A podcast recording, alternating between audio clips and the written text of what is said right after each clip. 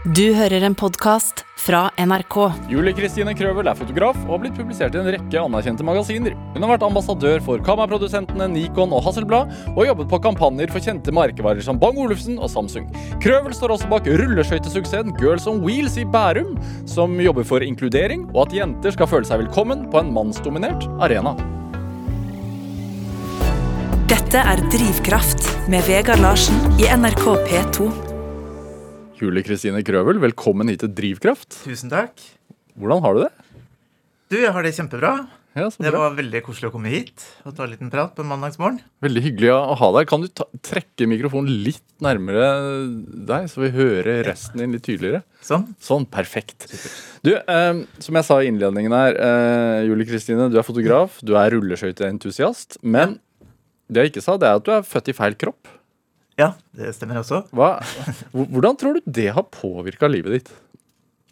Nei, Det har jo selvfølgelig påvirket livet mitt eh, utrolig mye. Men um, så handler det om å prøve å snu det til uh, Snu det til noe positivt. Jeg hadde kanskje ikke regnet med at jeg skulle bli rulleskøytetrener uh, som 40-åring. Men uh, jeg synes det, det byr på like mange nye muligheter som, som det kan by på utfordringer i livet. da. Så jeg tenkte jo da jeg var liten at det var veldig mange ting som var umulig for meg, for jeg skjønte ikke hvordan jeg skulle holde ut. Hvorfor tenkte du det? Fordi at jeg følte meg ofte litt eh, på feil sted. Eh, Jeg hadde alltid lyst på noe annet. Jeg så liksom alltid over på noe annet som jeg egentlig hadde lyst til. Og så syntes jeg tilværelsen var vanskelig fordi at, uh, at jeg ikke fant svar på det. Så jeg begynte å føle meg litt sånn syk. At det var, det var veldig ensomt. da. Så, og så er det en veldig sånn umulig tanke, så det blir mye drømmer. Men så ble jo kanskje drømmene til virkelighet. Og så I dag er jo, er jo alt virkelighet, men det, ja, det er en det har vært en spennende historie, og det er en spennende historie, og det skjer veldig mange spennende ting med det, så jeg har også kanskje lært å omfavne det, være glad i det på en annen måte enn da. Så, som Altså vet, Som barn så jeg, jeg tenker at man blir født sånn I hvert fall i starten ganske sånn kjønnsløs. Når, når, er det, når er det du, du begynte å tenke over at det var feil kropp? Hvor tidlig er det man får de tankene? Altså, jeg har, har jo opplevelser nesten så langt tilbake jeg kan huske, som var på en måte de samme hva skal jeg si, tankefluktene, da. Som jeg kan på en måte kjenne meg selv igjen i. Hvordan, men, men hvordan, hvordan var de? Eller hva, hva handler det om? Det handler mye om misunnelse av, av, eh, av noe du føler kanskje er mer riktig for deg, som du på en måte ikke fikk, og noe som var de grenser som ligger der, både fastsatt av voksne, men også fastsatt av barn og samfunnet generelt. altså ikke minst på da jeg vokste opp på 80-tallet, så var det kanskje enda mer. Bare med sånn rød og, rød og blå skolestrek, f.eks. Det var bare også det var et issue. Men uh, jeg, eh, jeg hadde ikke ord på det den gangen, hva, hva akkurat jeg var. Hva, Men jeg synes det var rart. rart. Ja, liksom. Hva, hva, hva tenker man da? Nei, jeg blandet det med forelskelse, tror jeg. Så jeg var forelsket i alt som var mulig å bli forelsket i, på en måte. Hvis man kan kanskje sammenligne det som en forelskelse, da. Så, hvordan da, liksom? Det var på en måte kanskje en sånn fin følelse, eh, som var hemmelig følelse. At eh, det var noe annet som jeg syntes var mye finere, som var på en måte mitt, som var en drøm, som ikke var i, var i den virkelige verden. Eh, som kunne handle om alt fra klær som jeg ikke fikk, eller følte at jeg var berettiget til å gå med. Var kanskje det. Jeg tror ikke det var sånn at hele livet at jeg var blånektet å, å gå med det jeg uh, ville. Jeg kunne sikkert kjørt det helt ut, men da skal du også stå i det alene, da. Ja. Og det kjenner jeg også selv om det er 2021, så er det mm, Så skal du stå i, du skal stå i valgene dine, og du skal stå i det, mye av det samme, selv om samfunnet er mer åpent. Så du Det er veldig mange mennesker som lurer på en forklaring da, på, på hvorfor og hva. Hvor- Hvordan, hva slags forklaring? Altså, hva er det de ønsker å få en forklaring på? hvis de ser at du er, skiller deg litt fra normen eller de andre, så kan det være mm, kommentarer eller spørsmål som eh, og det, kan være altså det er jo Som regel så er det jo hyggelige karakter, da, men det er på en måte Det er jo ikke alltid man har lyst til å ta på seg selv og prate om seg selv i alle sammenhenger. Så det, men eh, Man blir aldri kvitt en nysgjerrighet, liksom? Nei. Men, eh, men det er både og, igjen. For du, blir, du blir jo på en måte det fører jo noe med seg, eh, også som er positivt med dette her. Som for eksempel. Som for eksempel eh, Girls on Wheels, da. Eh, jeg tenker at vi eh, Det er jo ikke et minus at jeg er den jeg er, syns jeg. Eh, Hvorfor ikke? nei, jeg tenker at jeg har kanskje litt ekstra power å gi det, da. Altså, jeg har, jeg har slåss mye i mitt liv sånn for meg selv.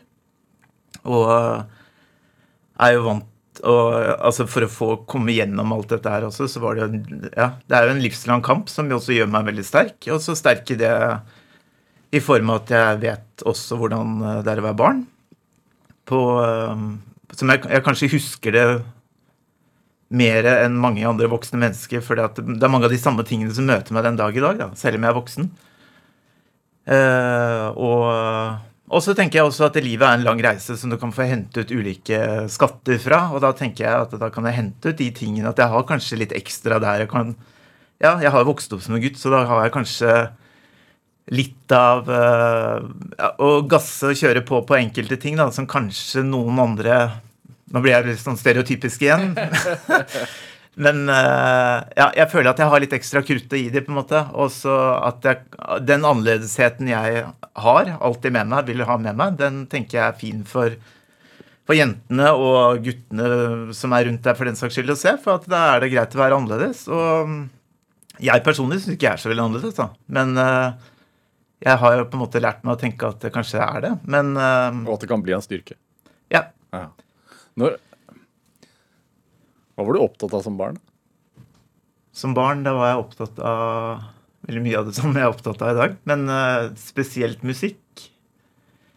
Uh, musikk og foto og skape stemninger, vil jeg svare da. Ja. Og uh, så kom interessene mine som i etterkant av det. Men jeg hadde uansett hvilken interesse jeg har hatt, så har jeg så alltid brukt foto, film og musikk inni det. da. Det har alltid vært min mine på en måte eskapader i min getaway i livet, på en måte. Så på, på godt og vondt. Når følte du første gang at du trengte det? da? En slags sånn eskapade, som du kaller det? Det følte jeg ganske tidlig. Jeg hadde vel behov for å drømme meg ut av verden. Ja. Eh, og skape min egen verden. Jeg husker jeg hadde sånn en periode spesielt hvor jeg hadde min egen by som jeg dro tilbake til og satte på musikk og forskjellig. Og, Altså, du hadde din egen by? Ja, Ja. Inni, som jeg dro tilbake til og snakket med folk og sånn. og Det var, Ja. men det, det var veldig gøy. Oppi hodet. Bare fant ren fantasi. da. Hadde den et navn? Nei. Det var, det, det var bare det stedet. Eh, Hvem, hvem bodde i byen, da? Nei, det var, det var nok litt eh, mye på middelalderen, tenker jeg. For jeg er også veldig opptatt av historie. Så da Så jeg, har, jeg tenkte liksom at alt var mye, mye, mye bedre da. På noen ting, da. Eh, men jeg vet ikke om det var det. Men eh, ja. Men alltid stemninger av spesielt ja, musikk, foto, lys og sånn har alltid fengslet meg enormt. Jeg jobbet alltid for å prøve å skape de stemningene også. Særlig med foto, da jeg begynte med foto. Så der lånte jeg speilreflekskamera til faren min, og så kjøpte jeg klips eh, eh, Sånne klipslamper på Ikea til ti kroner. Og så satt jeg det rundt på rommet mitt, og så skulle det være 1700-tallet. Så kjøpte jeg spindelvev på standard, og så sprayte jeg rommet med spindelvev. La sånn trekantatt i midten, og så inviterte jeg noen venner over, og så skulle det være 1700-tallet. Men det var mitt første forsøk på å skape et litt sånn foto fototing å være der, da. Og det, det ser jeg liksom gjengående i interess- interesser og ting utover livet. At, um, at jeg skaper um, rom og stemninger i det jeg driver med. Da. Så, det er, så det er på en måte min, e- enda min, e- min uh, getaway i, uh, i livet. Ja. Litt sånn fantasi og drømmer på, fra virkeligheten. For jeg også syns at virkeligheten er jævlig hard på tidvis. Og både av hensyn til det jeg, eh, min situasjon, men også mye regler og hva du skal være og passe inn og krav og ting og tang. Så jeg eh, Uansett hvilke treninger jeg begynte på, eller hva, hva jeg begynte på, så var det jo Det var mye Jeg, mistet ofte litt lysten, da, for det var så mye pes av, av regler og prestasjoner rundt det. Er det? Så Hvordan Som du sa, at altså det, det er 2021 i dag. Det er liksom blitt mer åpenhet rundt, rundt at man eh, kan være feil, født i feil kropp. Men, men hvordan var det på 80-tallet? Jeg er jeg er født i 81, og liksom, mm. jeg husker ikke så veldig mye snakk om det før langt ut i 2000-tallet, nesten? Nei, altså jeg var jo barn på 80-tallet også, men jeg husker jeg så 48 Hours med Nick Nolte, tror jeg det var, eller Nick Nolte, hva han heter for noe, og han var dame, og da ble jeg så deppa at jeg kjente fy faen. Det, uh, så Hvorfor det? For det var liksom sånne skrekkeksempler i, um, i mye film og sånn som var på en måte litt sånn latterliggjøring, da. Da så du på en måte hvor, hvor, hvor teit det var. For det jeg søkte, det var, det var alvor. Så det var på en måte Da tenkte jeg liksom alternativet var å skifte, skifte fjes eller hode omtrent, ikke sant. Men det, det blir ganske umulig. Og de tankene blir bare verre og verre utover da når du ikke snakker med noen, ikke sant. Så Men Men jeg tror ikke det var Hva skal jeg si? Jeg, Prøvde du å passe inn, eller prøvde du altså, Hvordan gjør man det? Som barn så, så var ikke det mulig. Jeg hadde vel mine uttrykk som jeg kan si den dag i dag, at jeg, den genseren og den genseren betydde mer for meg. Om noen så det, det tviler jeg på. Um, jeg var veldig opptatt av parfymer og ordne på håret en periode, husker jeg også. Men da var de voksne veldig kjapt ute med å si at jeg var frisør, og det var ofte litt sånn homofile frisører og sånn, og det ble jeg ofte veldig fornærmet over. For jeg hadde ikke bedt om å bli satt i en bås bare fordi jeg digget eh, de parfymene. Men eh, bare fordi jeg fristerte onkelen min i bursdagen, så var jeg ikke, var jeg ikke sånn, sånn heller. Da. Men uh, det skulle ikke så mye til, og jeg tror på den tiden der så kunne det være um, offer for både det ene og det andre. da. Det var på en måte tillatt å møte du på feil person, så så fikk du så hatten passet, og det Ja. Så jeg tror at sånn sett så er det jo selvfølgelig mye, mye lettere den dag i dag. Men det er mm, mye av det som skjer hos mennesker, som er, er jo mye av det samme. Og det, det kreves kontinuerlig arbeid med å alltid eh, minne folk på at folk er annerledes, og kanskje ikke du trenger å gjøre så jævlig stort nummer av det hele tiden, da. Men um, så Ja. Men, eh, men det er det er et vanskelig emne. For det er også noe med at de som er litt annerledes også, skal på en måte Vi kan på en måte ikke akseptere at hele verden bare aksept, Altså sånn Men eh, kanskje man ikke i utgangspunktet ber om så mye heller. Ehm, som jeg sa da jeg kom til studio her også, så er det ofte det svaret jeg gir til barna på trening eh, av barn, som jeg syns er fint. De spør rett ut. Det, og noen kan gå rett på sak, og noen er sånn Hva, hva spør du om? Sier de ofte 'Julie?' Ja. Og da vet jeg at det kommer. Du kjenner den pausen? Ja. Ja. Er det sånn at du har vært gutt før? Og så sier jeg ja, det, det stemmer. Og så måtte jeg bli voksen for å gjøre noe med det, sa jeg. For det jeg, syns det var ganske kjedelig. Ja. Og så kan det hende at det er ett eller to spørsmål til, men ofte så stopper det der. Og så er vi ferdige, og så går vi på rulleskøyter. Ja. Og det er egentlig sånn summa summarum hele historien også. Noen ganger selvfølgelig er det så mye, mye mer, men altså utgangspunktet er, er jo på en måte det. Jeg er jo Så jeg har to små nydelige døtre, og de opplever akkurat meg, eh, den jeg er. Akkurat den samme jeg var i 1990 eller 1985. Eh, og det syns jeg er kjempefint. Jeg har men eh, jeg har, de, de er veldig klar over det valget jeg gjorde, og, og de kjenner godt eh, De kjenner ikke Joakim og Julie, de kjenner Julie. Altså, de har alltid vokst opp med Julie, men de vet at jeg het Joakim før. Men de vet også at jeg er dønn lik. Forholder du deg til Joakim i det hele tatt? Nei. Så det, det er, eh, men jeg syns det er koselig. Det er ikke sånn at jeg ikke liker det, men jeg syns det, er, eh, det er rart å høre det noen ganger. Men um, Hvorfor det? Ja, for det, det er vel egentlig bare den enkle grunnen at jeg ikke bruker det lenger. Men det er jo veldig rart når du heter noe hele livet, og så skal du plutselig kvitte deg med det. Eh, så nei, jeg, det er et godt minne, men jeg har lært meg å bli veldig glad i Joakim-tilværelsen på um, Særlig de siste årene, og det syns jeg er veldig fint, for jeg hadde ekstremt hat mot det før. da. For det at um, du bruker så mye energi og krefter på å bevise mot det motsatte og ja, det ene og det andre, og så får du på en måte ikke være den du vil fordi du heter det du er, og fordi du ser ut som du ser ut, og så videre og så videre. Så, så i dag så tenker jeg heller på Joakim som en fin ting. Det er en del av mitt liv. Og, men jeg nå er jeg virkelig ikke Joakim lenger. Så, men altså, herregud, noen ganger skulle det sikkert vært helt ålreit å vært Joakim òg. Men eh, det, det, det tror jeg de aller fleste mennesker kan hvis du på en måte kan reise litt i, i ting og opplevelser og tid og ulike, så, så, kan man merke på at man har ulike ønsker. Men jeg um, Når du tar et sånt valg, så har du på en måte tatt det, så, og det lever jeg godt med. Alternativ, Det var ikke noe alternativ. Når var det Når var det du begynte å snakke om at du egentlig var jente? Det gjorde jeg vel på tidlig 90-tallet en gang, tenker jeg. Ja. Så var det vel litt for moren min og luftet det litt for venninner og forskjellige sånn i det. Det var kanskje ikke alltid like lett å oppfatte heller, for det var veldig sånn tåkete Litt sånn Ja. Jeg var fryktelig opptatt på at dette her også skulle ikke være ekkelt. For jeg personlig syntes det var veldig ekkelt. Så det var komplis veldig komplisert. Hvorfor var det ekkelt? Fordi du, du er veldig mye alene med det. Og så mm, er det jo alltid at kroppen forandrer seg, det er puberteten og alt mulig. ikke sant? Så du begynner å avsky det mye mer enn du kanskje gjorde da du var barn. da.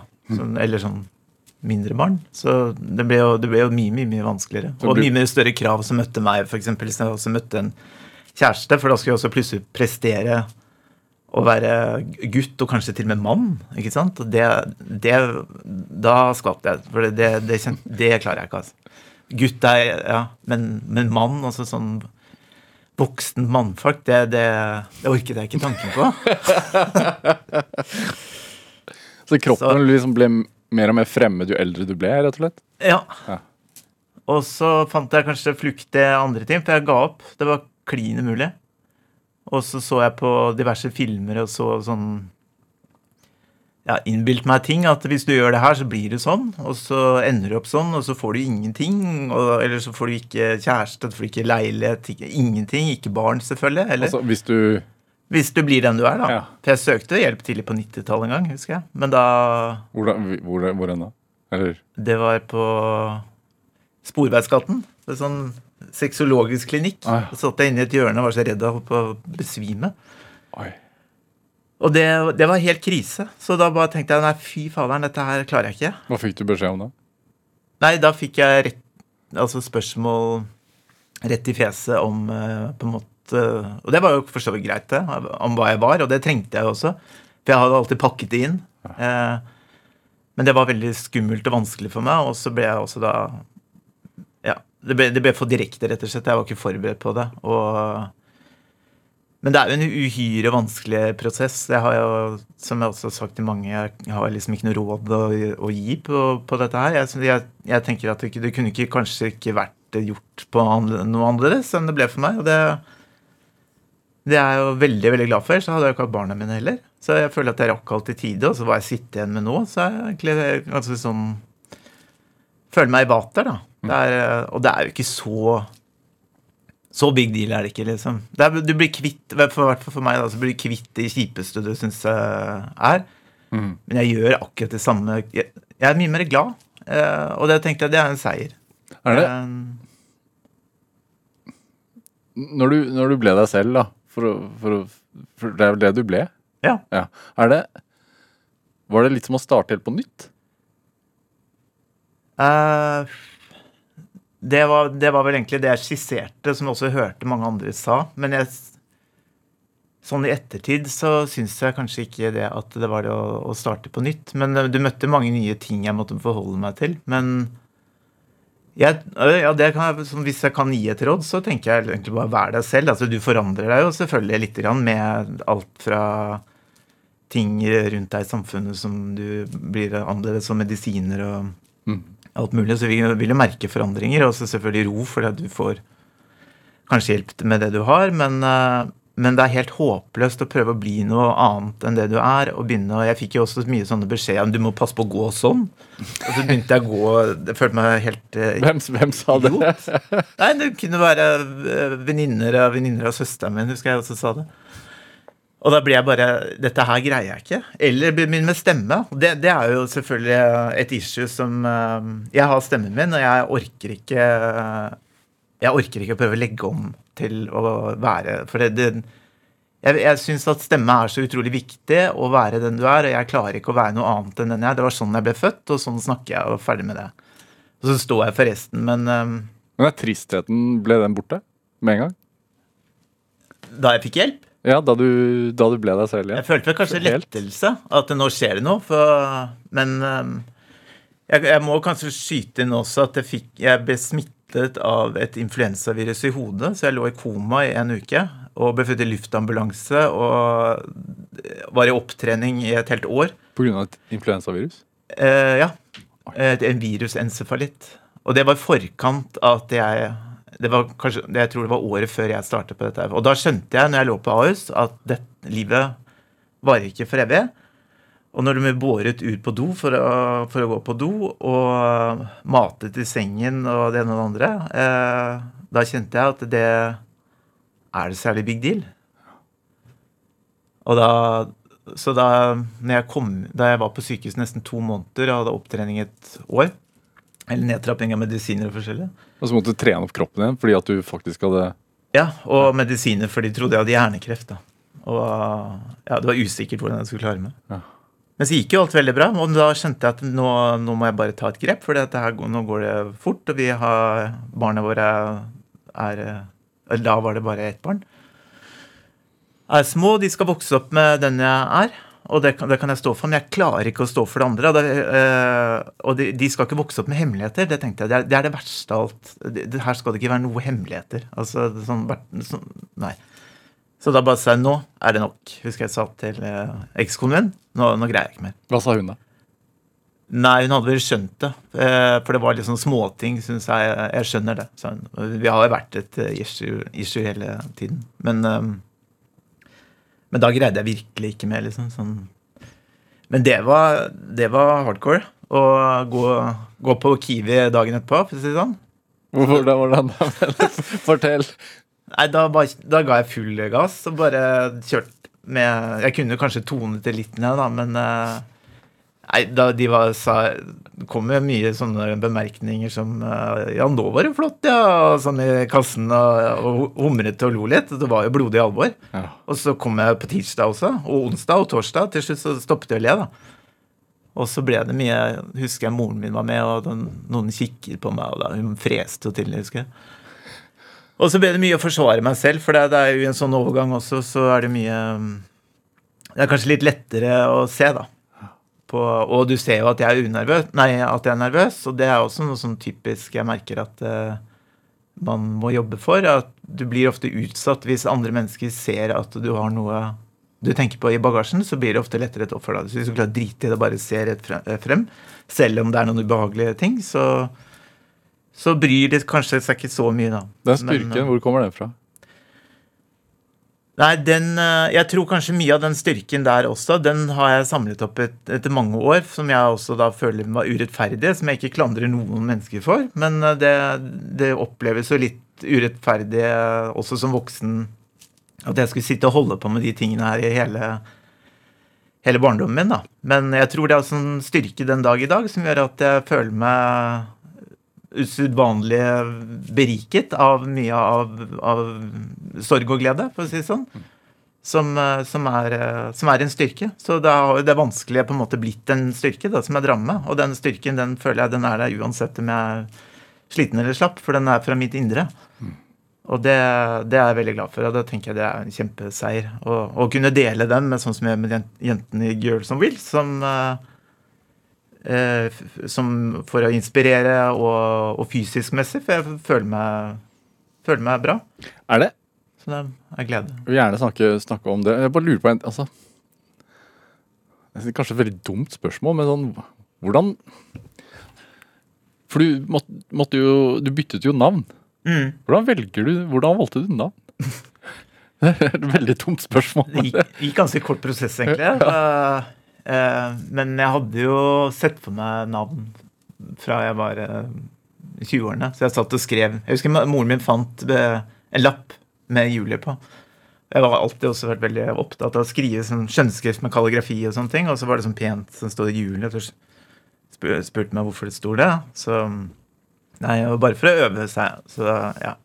Så jeg fant det tidlig, men eh, Jeg tenkte vel litt på det, husker jeg, da jeg satt der ute på Nesodden. Men så tenkte jeg nei. Og så bare fylte jeg ut, og så putta jeg den konvolutt, og så kjørte jeg Husker jeg satt meg i bilen, og så satte jeg på Alphaville Forever Young. Og så gråt jeg så det bare fosset ned. Og så puttet jeg den konvolutten i postkassen, og så tenkte jeg shit, nå er det ikke noe vei tilbake. Og så hva skal de si, tenkte jeg. Hva skal de, hva skal de, gjøre, hva skal de gjøre mot meg nå, tenkte jeg. Hva, hva, så må jeg bare stålsette meg, for nå blir det bråk. det ble, ja, det, så det ble jo ikke bråk, men eh, det var jo ja, det, er, det er ganske omfattende å, å, å bare eh, skifte alt det her eh, i, eh, i den alderen jeg var, da. Så det, men eh, Vi skal spille en annen låt. Vi skal Ja. ikke spille Forever Young, vi skal spille Enigma med, Mm. med Principle of Lust, Sadness. Hvorfor? Den, den, eh, den sangen elsker jeg. Jeg føler det er bare meg som gjør det. Men eh, på den tiden den kom, så var det ikke Det var det veldig mange som digget den. Men den har fulgt meg alle år. Eh, og hvorfor den Jeg vet ikke. Det er, det er jo ikke et mesterverk, men det er en sang med utrolig mange minner som, som har vært meg gjennom alt av kjærlighetsforhold til Da jeg gikk hjem fra skolen, fra Majorstua skole til, eh, til den dag i dag. Til jeg trener, til jeg er glad, til jeg danser, til fest, til eh, Jeg vet ikke hvor, den- hvor den ikke har vært, og jeg har slitt ut to CD-eksemplarer av den. Men hvorfor er den så, et så godt soundtrack til liksom livet ditt? Hva er det du har Nei, Jeg tror det er fordi at da den kom i 1990, så var det litt sånn diskusjon om det var ålreit å bruke gregoriansk kirkesang i eh, pop, house eh, Hva man skal kalle elektronisk musikk, da. Så det var diskusjonen på radioen, husker jeg. Da gikk jeg, da gikk jeg på ski opp til Ullevålseter, og da hørte, da hørte jeg på radio, så tenkte jeg ja, det er jo ganske drøyt da, at de, at de gjør det. Men så har jeg alltid likt klassisk og middelaldermusikk. Da, så tenkte jeg at var, jeg var litt imot det, for jeg er litt konservativ da. at Du skal ikke, du skal ikke tulle for mye med fortiden. Men, um, det, men så var det litt ålreit allikevel. Og så ble jeg veldig glad i den, og så ble jeg bare mer og mer glad i den. Og så har den, ja. Så avslutningsvis så var faktisk min den Da jeg avsluttet ting på Rikshospitalet, ble jeg operert for det ene og det andre, da gikk jeg faktisk inn i Holdt på å si koma, men det er vel ikke det. Det er um, du går inn i um, Hva er det heter når du går, før du skal opereres igjen? Eh, Du blir lagt i, i narkose. narkose. Ja. Da forsvant jeg inn i narkosen med Enigma. Det var helt fantastisk. Da husker jeg bare tårene rant. Så, det var, ja, så den sangen der, den Og, og våknet som deg selv. Ja. Så den er magisk.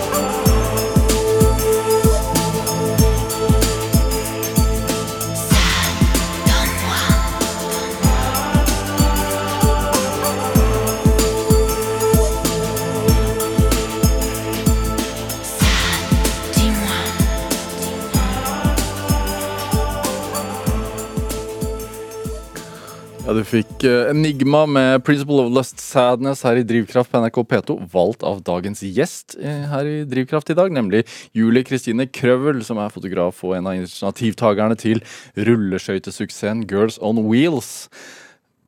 Julie Kristine, er det ja, altså vi, vi har snakket litt om at, eh, at du eh, ble født som Joakim, holdt jeg på å si. Altså at du ble født i feil kropp, og at du het Joakim før. Tror du at Skulle du ønske at, eh, at du ble født som Julie Kristine, sånn i voksen alder? Eh, nei, absolutt ikke. Som jeg sier til jentene mine, så er det her eh, livet mitt, og det er eh, det fine med det. Det er hele drivkraften bak meg som er i dag òg, tror jeg. Og, Hvordan da? Alle opplevelsene mine, alt eh, Ja, både på godt og vondt med, med, med dette her, og hele ut, utviklingen. Uh, Tror du Julie Kristine altså Du driver jo uh, Girls on Wheels, altså rulleskøyteinitiativ i Bærum. Altså, tror, du, tror du Julie Kristine hadde vært oppsøkt skateboardhallen sånn som du gjorde som ung? Nei, det er også en viktig ting, for det, jeg hadde um, da, da jeg vokste opp, så var det definitivt ingen jenter. Jeg kan ikke huske jeg så én jente på skateboard på 80-tallet. Eh, de, de tror jeg du kunne telle på en, en hånd.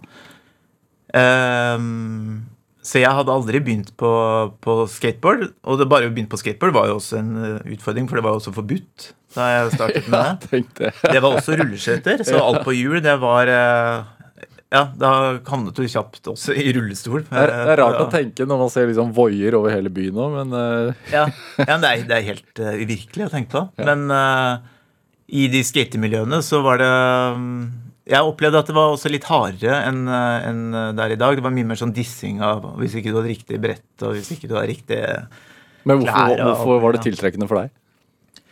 Jeg fant veldig ro der, for da hadde jeg et uh, rom hvor jeg kunne uh, på en måte være i fred, høre på musikk. Jeg kunne trene når jeg ville. Uh, det var liksom Det var ikke noen regler, det var ikke noen trener som står masse til høl i huet bak meg. Og det opplevde jeg ofte på de eh, aktivitetene som var på Majorstad skole jeg gikk på. At det var veldig mye interesserte foreldre, men det var så, det var, det var så voldsomt. da, så det var um, ja, jeg fant ikke min plass, så jeg te- syntes skateboard var mye Skateboard kunne jeg ha med meg etter skolen. Jeg kunne stå hjem og høre på den sangen vi hørte på nå.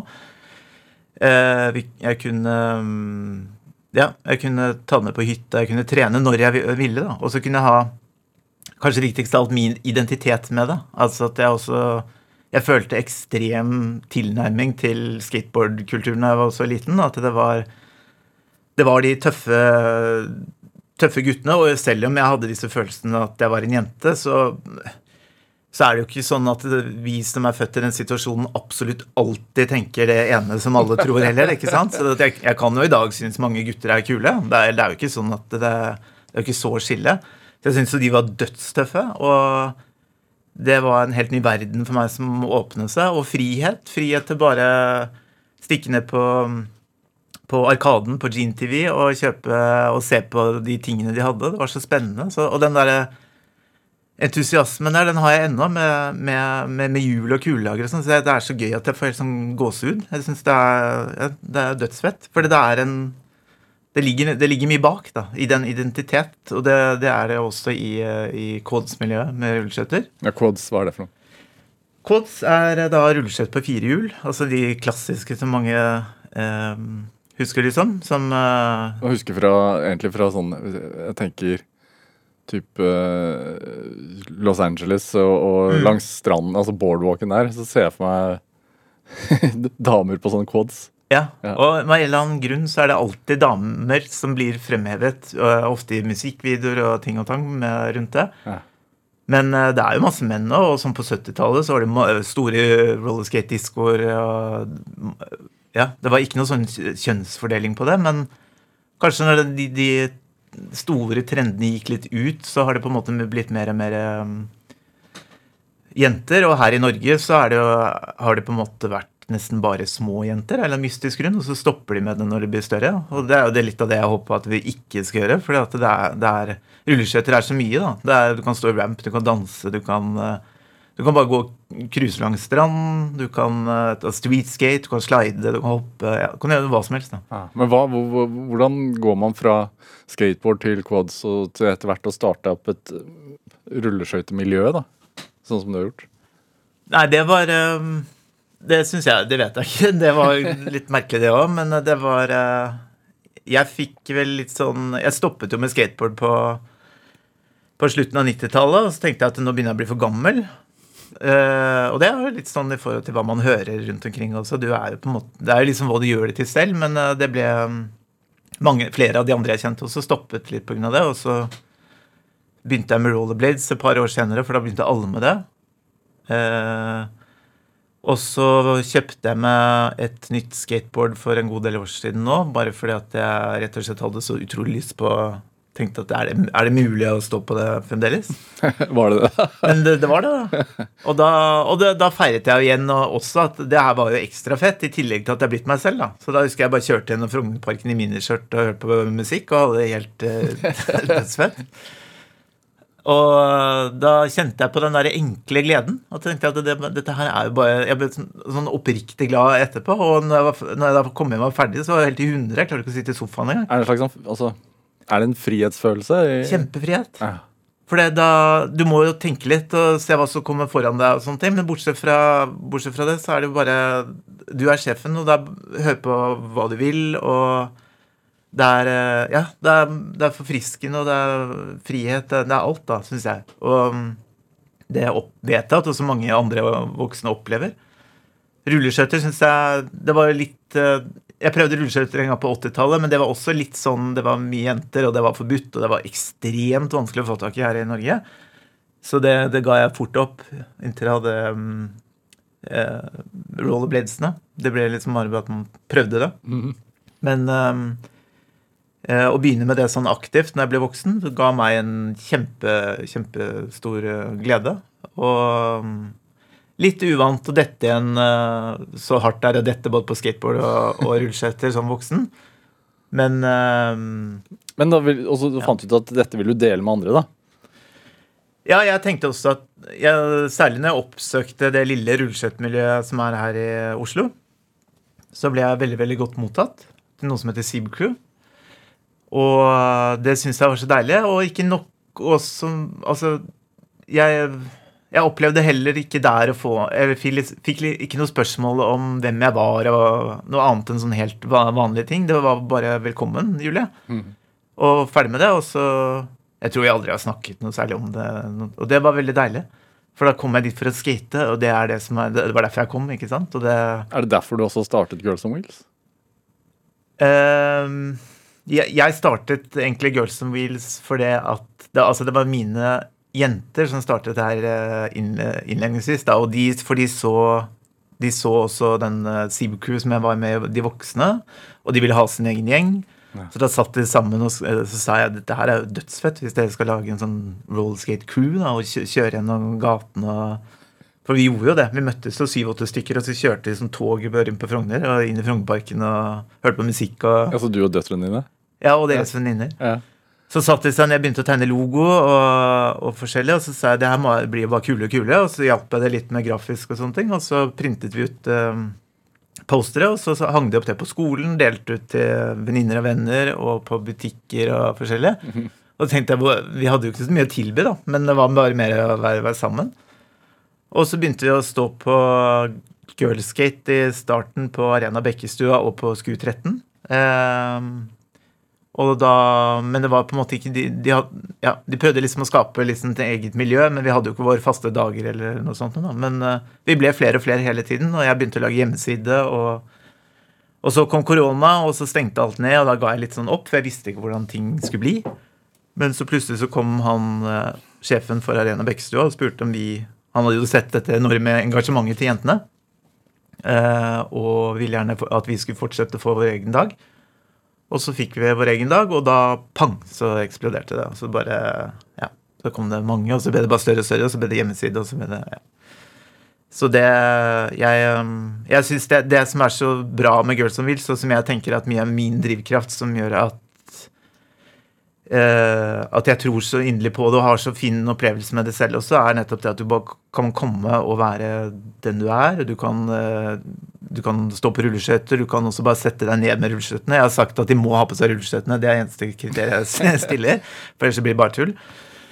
Eh, men du trenger ikke å gjøre noe spesielt. altså Noen kjører ramp, noen hopper, noen står i pool eller bowl. Det er, eh, det er, sånn, det er ikke noe konkurransepress. da.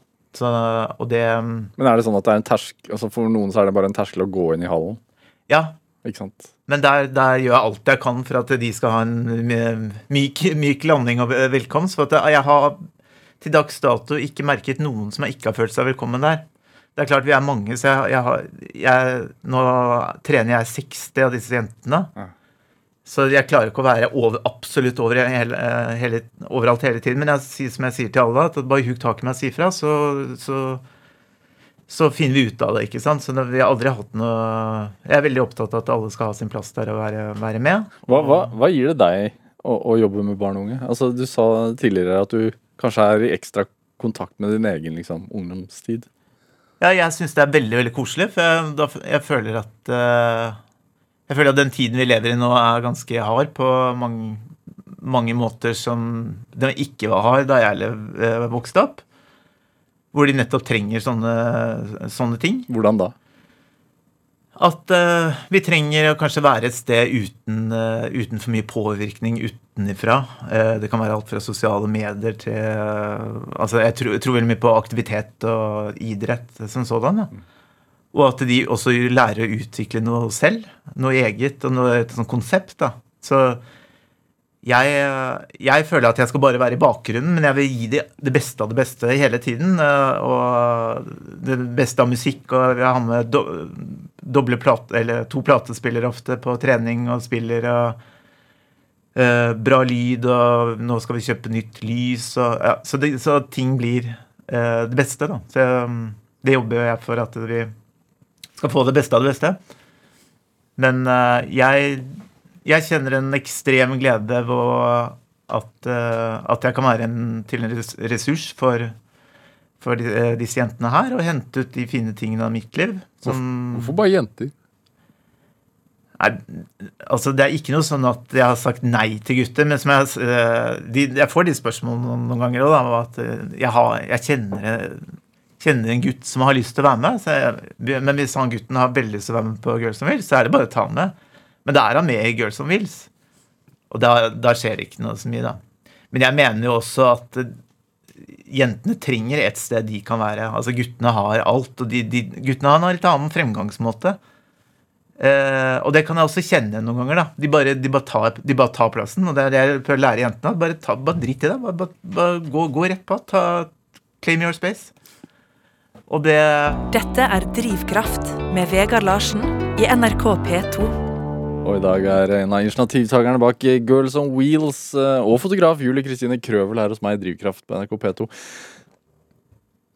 Vi snakka om Girls on Wheels, rulleskøyting, men, men altså, du er jo eh, Har jo jobba lenge som fotograf. Ja. Eh, du begynte tidlig som fotograf.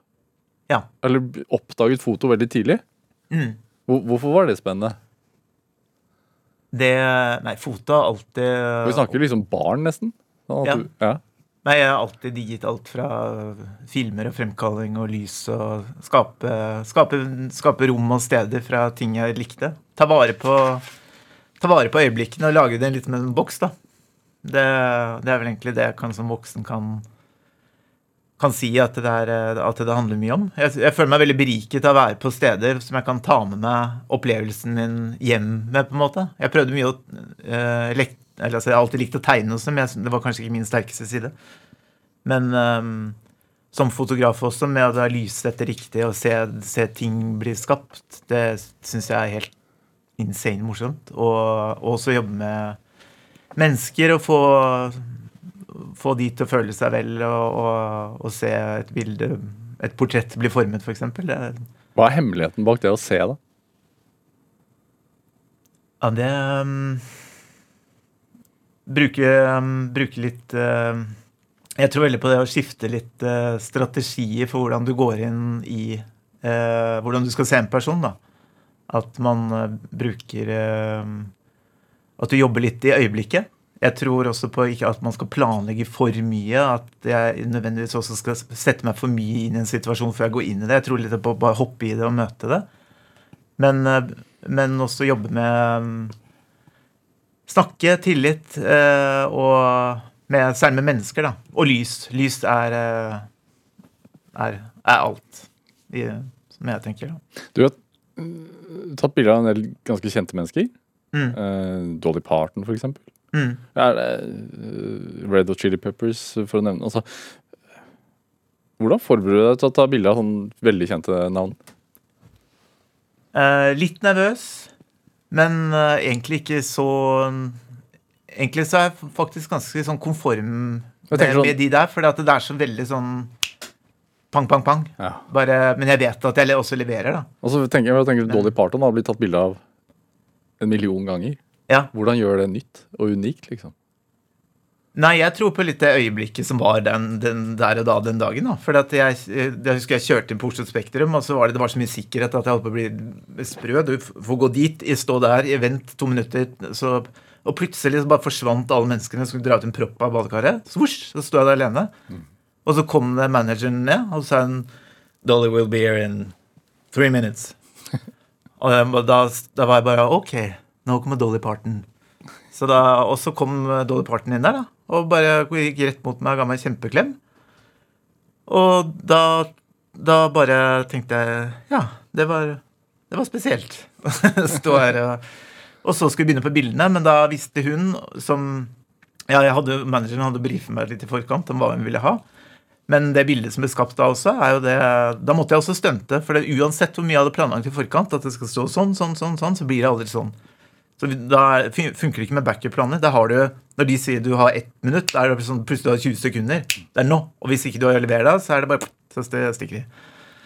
Så da, da var jeg kjapp, og vi begynte å ta bilde, og da ble det en fin kjemi. Hun var kjempehyggelig, hun hadde det gøy, hun smilte og så sa, gjorde litt ekstra for at uh, hun syntes det var hyggelig. Uh, og ja, så igjen det der å Jeg tror mye på å um, hoppe i det, og i hvert fall når du har jobbet såpass mange år, så så føler jeg at det er selvfølgelig praktiske ting er greit å planlegge, men å hoppe i det for det Ja, jeg har gjort det mange ganger før, så jeg tror mye på at man skaper også ting i nuet, da. Sånn, Det er, men du tar ikke så mye for Altså, du har beveget deg mer i en sånn kunstfotoretning? Ja, nå er jeg mer kunstfoto. Nå er jeg primært eh, Girls on Wheels jeg driver med. Men jeg driver med alt med foto og film der òg. Og det er jo igjen det der, jeg tenker at jeg kan også gi, gi de også, med å lage kule filmer og alt fra fotokarrieren min. Men eh, jeg har jo ikke på ingen måte Altså, fotograf vil jeg være livet ut. Så det, det stopper jeg ikke med. Men du, du, vet at du er i Frankrike og lager en kortfilm, eller har vært og lagd en Er den ferdig? Ja. Ja. Nei, den er ikke ferdig, men eh, ja. Jeg har begynt nå denne høsten her. Og det er et prosjekt jeg syns er helt fantastisk spennende. Eh, for der eh, Jeg har akkurat vært eh, nede i to og Paris nå og intervjuet jenter Nå var det ni, ni eller ti personer. Ni eller ti personer. Eh, om eh, rulleskøytemiljøet, hvorfor de begynte, hva de opplever, hvordan forskjellen mellom gutter og jenter er i skateparken. Hva Litt sånn sexisme-ting, som er også sånn ting man ofte kan møte i skateparken som jente. At du, hvis du er veldig god og står i en topp og litt tighte bukser, så får du ofte kanskje litt uønsket oppmerksomhet av særlig eldre menn som går forbi, eller eh, som ikke de andre får. Og mm, ja, og historiene deres, da, syns jeg er morsomt. Hva sier de da? De forteller veldig mye av det samme som av de, særlig de voksne jeg møter her i, i Norge. Eh, at de Mange av de har en historie som gjør at de søker seg til noe og driver med et eller annet og et miljø. Så det Jeg føler at ofte det er veldig originale personer som blir tiltrukket av miljøet. At det er et sånn samlingspunkt med positive mm, jenter som stiller opp for hverandre. Eh, og det er Altså, hun eldste av oss i SIB Oslo, hun er 55 år og står i ramp. Og det syns jeg er så fett.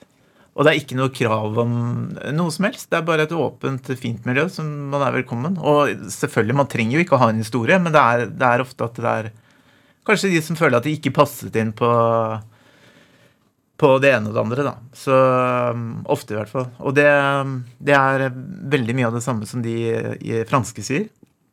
Så min idé er jo da Jeg lager, jeg lager egentlig to prosjekter. Jeg lager en, eh, noe for de små jentene Girls som vil, som er en sånn språkutveksling. Så da oversetter jeg fra, fra fransk og lager norske undertekster, og vice versa. Eh, med mindre jenter. Og så har jeg da en film Den selve den kortfilmdokumentaren er jo av voksne jenter og miljø, da, som er litt mer hardcore. Men uh, veldig mye interessante mennesker og, og spennende historier. Så det, det, er, ja, det, er, så gøy at det Hvorfor er det viktig for deg? For det Jeg syns at det er eh, det er historier som er viktige å fortelle, som er så fryktelig mye mer interessante historier enn mye av de andre greiene som jeg blir levert eh, gjennom ulike kanaler. De snakker rett ut og, og fritt. det er det er ulike tanker om ting, men det er også igjen den positive tingen med rulleskøyter og miljøet som jeg tror inspirerer jenter generelt. Og det ser du over hele verden, og det er jo et kjempestort uh, miljø eh, som startet med, mer i USA etter de begynte å få en sånn nye reproduksjoner av, av rulleskøyter i ulike farger. da. Mm. Så det samme miljøet er jo over hele Europa og verden for øvrig. men det... Hvorfor, hvorfor valgte du Frankrike? Fordi jeg har jobbet veldig mye i Frankrike og er eh, veldig glad i Frankrike. Eh, både pga. det og pga. Fotokarriere, ja, fotokarriere og historie. Jeg elsker fransk historie. Så det ble bare naturlig med Frankrike. Og det er et mye større miljø der. da. Så jeg begynte å skate med de jentene i Paris. Og så da jeg møtte de Paris-jentene, så på en, den første ettermiddagen jeg møtte dem, så regnværsdag i Paris, så bare kom det historie på løpende bånd. Og da tenkte jeg dette er jo helt insane Eh, jeg har så lyst til å fortelle det til de andre. Og, hva, med hva slags historier? Tanker om hva livet Hva de drev med. Jeg spurte liksom hva hva, hva gjør du ellers? Det var sånn typisk spørsmål jeg spurte en venninne meg. Hva driver du med ellers? og sånn.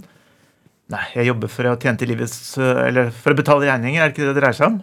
Uh, og det er bare sånn typisk sånn Ja, jo da, de, de gjør jo det, men det, det er jo litt mer òg. Men uh, jeg ser jo at de, mange av de har en mye mye tøffere hverdag enn mange her har. da. Så det kan være fint å se ulike, ulike aspekter. Men det er, det er unike, originale historier med originale mennesker i, på et fint miljø som jeg tenker er bare er så kult å få filmet og intervjuet og lagd litt musikk, og kanskje litt mer art-dokumentarpreg. Eh, det er det formålet mitt er. Hva, hva var første møtet ditt med Frankrike? da? Det var vel Chateau de Versailles på, med faren min eh, i 1990 ah, Når var det? 1996-97. Det ble også en veldig morsom eh, sak, for da var jeg der og eh, ble helt forelsket med en gang. Så da andre dagen vi var der, så sa jeg at han kunne være på hotellrommet, så kunne jeg dra alene utover Slottet. For det var ikke noe behov for at han var med. Nei han ble fornærmet. Men uh, det endte jo også i faktisk en artikkel med Hasselblad som ble publisert for et år siden. Med, hvor det er en reise gjennom Versailles hager med Hassel, alle Hasselblad-kameraene. Jeg har startet jo med helt analogt og har gått alle digitalmodellene til Hasselblad. Så det er en, eh, en, story som ligger ute på deres hjemmesider, som er det første bildet fra 90-tallet. Hva var det som var så fascinerende med Versailles? En vanvittig spesiell uh, skal si, atmosfære. Tenk på alle de historiene, alt som har skjedd der. Altså, hver eneste krok, hver eneste meter er en historie. Så jeg tenkte jeg bare, han må bare være alene. Og så kunne du liksom løpe utenom alle den turistgjengen og så bare være i fred og høre på den musikken jeg elsket. Og da, ja, apropos eskapader og drømmer, svosj, da var jeg borte. Og det var deilig. Så da var jeg, jeg husker jeg satt inne på den benken og gråt, for så, det var så mye følelser. Hvorfor det? For det her er alt jeg elsker. Historie, fine farger og blomster og bare være i fred og fontene. Ja, det var som paradis. Så ja. Så dit drar jeg ennå og har det spesielt. Og det er bare der. Jeg vet ikke hva det er for noe. Men um, jeg syns uh, det er romantisk. Det er, bare, ja, det er igjen alle disse historiene. Og jeg tror det selvfølgelig utløses også mye av den dramatiske slutten på Versailles. da. Og alle bare måtte pakke sammen og dra. Så nå drev jeg og leste mye historie på fransk, for det er også en helt annen eh, måte å lese det franske historie på, på, ekte, på språket fransk. da. Tenker du, når, du når du ser der du er, er i dag hva, Når du ser tilbake liksom, på ungdomstiden din, er du, er du tilfreds? Ja, jeg er det.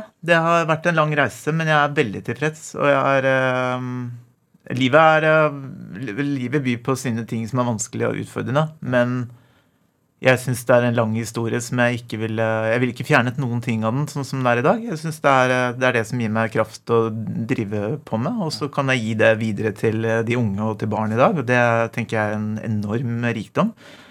Og føler meg veldig privilegert. At, at, de syns det er gøy å være med på det. Så Hva er drivkraften din i dag, da, Julie Kristine Krøvel? Drivkraften er historien. Det er egentlig alt sammen. Det er elementene som jeg trekker ut av et uh, langt liv med masse uh, rare ting og mange opplevelser som har vært uh, spesielle på, på, den ene eller andre måten. Så det blir på en måte som en, så kanskje det er det fine med å bli litt eldre òg. At du har en stor skattkiste, og så kan du dra frem ting. Og så er det, er det jo som oss mennesker at vi husker ofte de gode tingene. Jeg husker sikkert bare de, de kule somrene fra 80-tallet. Det var jo mye kjedelige ting da òg. Men de er oppi den kisten som jeg fyller ting med den dag i dag. Og da, det, så det og barn og unge, det er min eh, drivkraft. Det tenker jeg det er Den, den stopper ikke. Julie Kristine Grøvel, tusen takk for at du kom hit til Drivkraft. Tusen takk. Kjempekoselig. Hør flere samtaler i Drivkraft på NRK på nett, i NRK-appen, eller last oss ned som podkast. Send oss gjerne ris og ros. Send den e-posten til drivkraft. alfakrøll.nrk.no. Send oss også gjerne tips til mennesker du mener har drivkraft. Produsent og researcher i dag, det var Ellen Foss Sørensen. Følg oss også gjerne på Instagram på NRK Drivkraft. Der har du bilde av alle som har vært gjest eh, i dette programmet. Jeg heter Vegard Larsen. Du har hørt en podkast fra NRK. De nyeste episodene og alle radiokanalene hører du i appen NRK Radio.